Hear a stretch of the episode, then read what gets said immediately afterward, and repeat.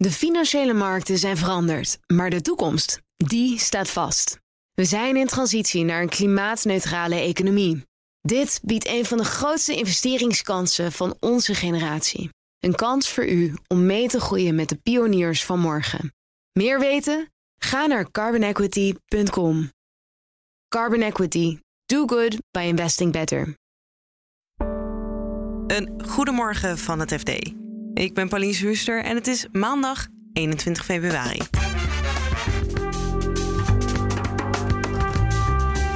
Als Poetin de gaskraan dichtdraait, dan heeft Nederland geen goed noodplan liggen. Er zitten meer hobbels op de weg dan ook maak eventjes een plan en uh, zo gaan we het doen. Een analist heeft een radicaal plan om de inflatie te bestrijden. Laat de markten crashen. Geen persconferenties meer. We verhogen nu de rente met 50 basispunten en we verkopen een hele berg van onze obligatieportefeuille.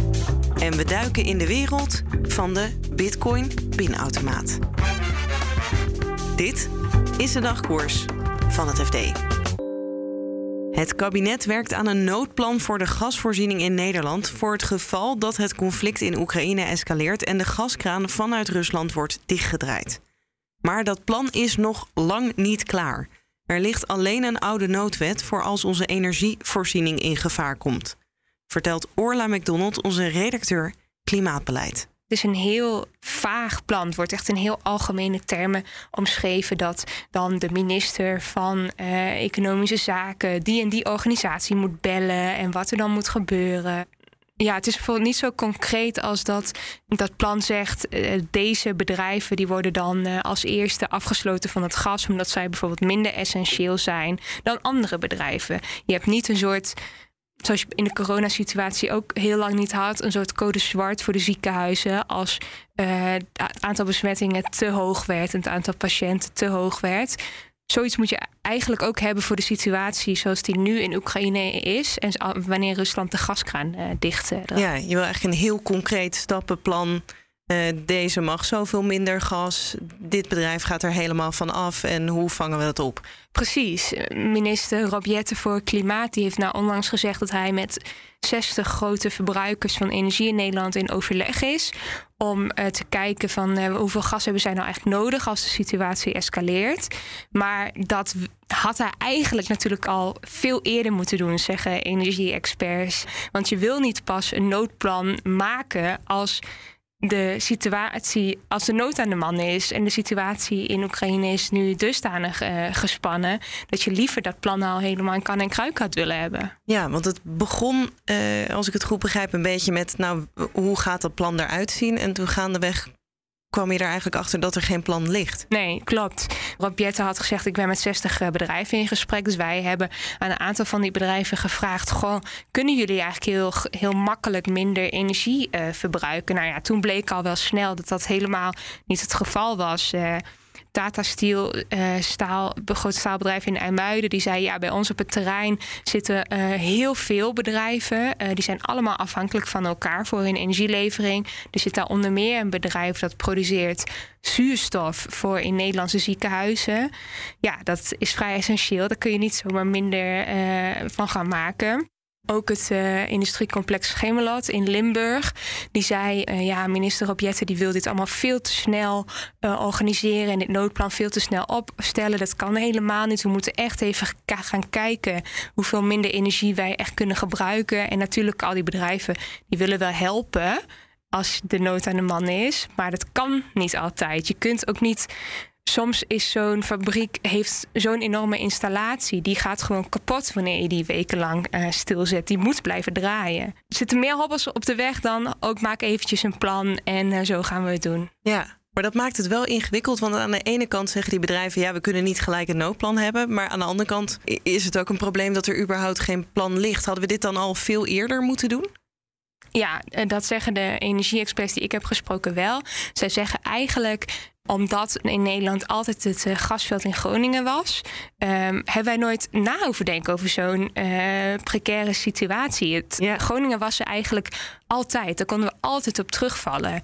En dat uh, gasveld dat gaat nu dicht. En um, er is verder dan niemand die dan aan die energiezekerheid heeft gedacht. Of in ieder geval veel te laat. Ja. En, en stel dat het wel opeens gebeurt, kan dan de minister zeggen: Oké, dit bedrijf, uh, plan of niet, jullie gaan gewoon van het gas af, er komt geen energie. Hij heeft eigenlijk geen goede juridische basis daarvoor. Dat zegt hij ook wel in zijn Kamerbrief. Hij moet dan echt een oude uh, oorlogswet uh, van stal halen uit 1939. Dat uh, is de distributiewet. En die bepaalde tijdens de oorlog wie welke goederen kreeg, omdat het natuurlijk enorme schaarste yeah. was. Dus dan zou hij die wet in werking moeten laten treden. Maar het is natuurlijk wel gek om een oorlogswet uit de kast te halen voor dit soort dingen. Hoe snel kan dit eigenlijk tot noodsituaties uh, leiden, mocht het helemaal mislopen? Stel, Rusland draait de gaskraan helemaal dicht. Um, dan kunnen we het nog een paar weken volhouden. We hebben in Nederland een aantal gasbergingen waar gas op ligt geslagen. Die kan je dan gebruiken.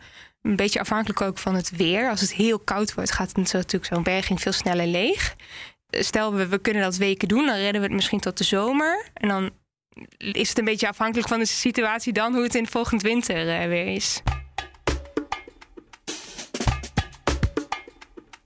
In het Engels zeg je Bitcoin ATM. Dat zou je dan letterlijk vertalen als Bitcoin pinautomaat. Maar het is niet helemaal hetzelfde. Je, uh, je betaalt met euro's en daar krijg je dan Bitcoin of Ethereum voor terug. Ja, niet fysiek, maar dat komt dan in je wallet. Precies, dat komt op je, in je wallet te staan, op je telefoon. Je hoort Marianne Slegers van onze beursredactie over Bitcoin-pinautomaten.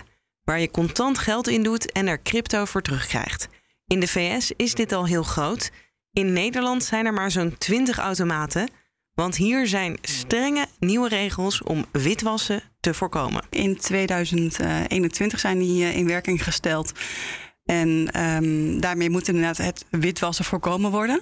Of het in het verleden ook heel vaak gebeurd is, nou, daar weten we niet specifiek van. Ja. Maar het vermoeden is er wel zeker dat dat uh, gebeurd is. Want ja, je kon 10.000 euro per keer storten. Want AFM uh, die houdt in ieder geval nu nog geen uh, toezicht op cryptohandel. onder wie valt het dan, die bitcoin-automaten? Nu onder de Nederlandse bank. Die hebben in ieder geval een registratieplicht voor iedereen die in Nederland cryptodiensten wil, wil aanbieden. Daar vallen die Bitcoin-pinautomaten onder. Maar ze hebben niet echt, uh, inderdaad, de AFM heeft geen uh, mandaat om toezicht te houden op de cryptohandel. Ja.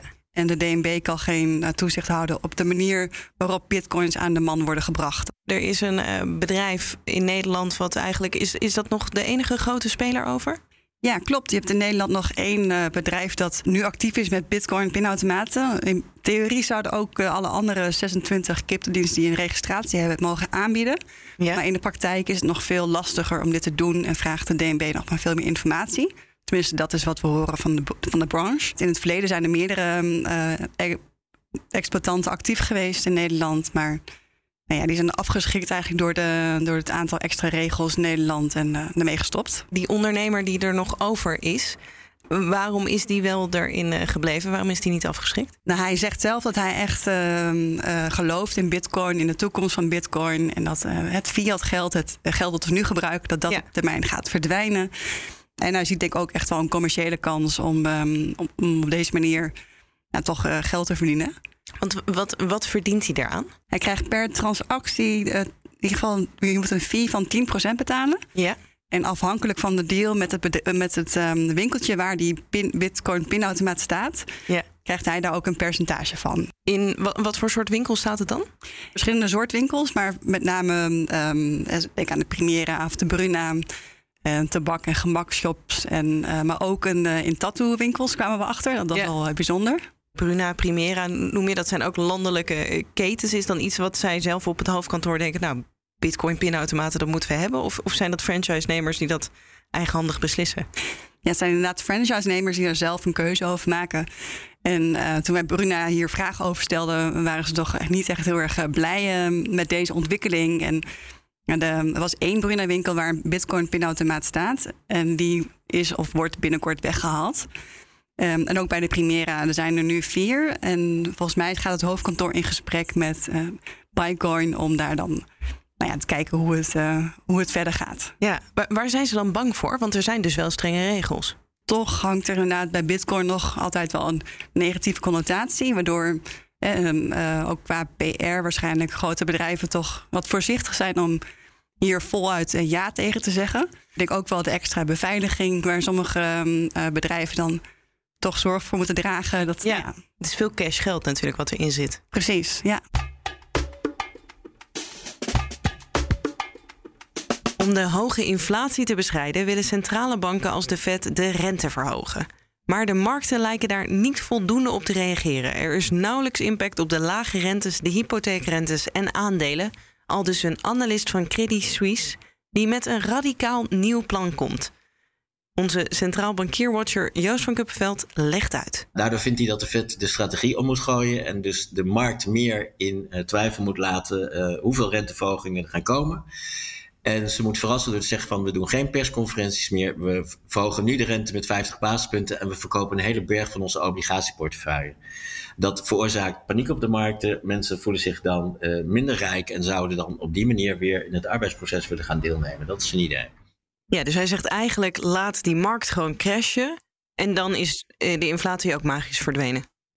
Ja, nou ja, die hou je, die hou je, daar hou je in ieder geval. Kijk, de, de inflatie is mede door, omdat er te weinig aanbod uh, aan arbeid is. Daardoor moeten de lonen omhoog. En uh, nou ja, wat de Fed normaal gesproken deed, was we verhogen de rente, dan krijgen we een recessie. Dat betekent dat er meer mensen werk zoeken. Dat houdt de lonen laag en dat houdt de inflatie laag. Nou ja, dat dat is nu precies wat ze andersom willen gaan doen. Nu willen ze dus zorgen dat er meer mensen gaan deelnemen die nu niet deelnemen aan de arbeidsmarkt, omdat ze een duur huis hebben met veel overwaarde, een lage hypotheek en uh, obligaties en aandelen die allemaal heel goed gedaan hebben. En als die, die prijzen daarvan dalen, dan, uh, dan zouden ze eerder geneigd zijn om, uh, om, om weer aan het werk te gaan. Maar dat is een vrij theoretische verhaal, denk ik. Ik kan me voorstellen dat de Fed dit niet ontzettend zou, zou zien zitten. Nee, dat zien ze zeker niet zitten, omdat de Fed juist de laatste jaren bezig is geweest met het heel transparant maken van uh, wat ze willen doen. En het laatste wat de Fed ook nog eens wil doen, is uh, een, een marktcrash veroorzaken, omdat paniek op de markten sowieso heel slecht is voor de economie. Want dan kan het financiële systeem minder goed functioneren, waardoor mensen dus weer minder geld kunnen lenen en waardoor zeg maar, alles tot stilstand komt. Dus nee, dat, dat willen ze niet. Te radicaal, denk ik dan. Nou, dat denk, dat denk ik ook. En um, dat, dat denken ook de mensen die hier naar hebben gekeken. Want deze meneer stond ergens een heel hoog aanzien, omdat hij op een ander gebied een hele grote expert is. Uh, dus mensen lezen zijn research. Uh, en, maar op dit, uh, op dit vlak uh, serveerde iedereen die, die, zeg maar die de markt een beetje volgt het meteen af. Dus de kans dat de Fit het gaat doen is nul.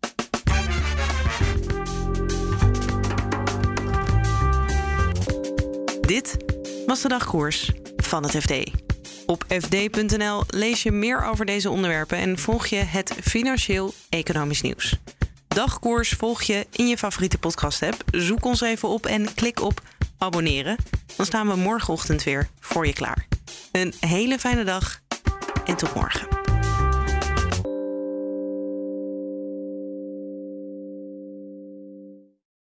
De financiële markten zijn veranderd, maar de toekomst, die staat vast.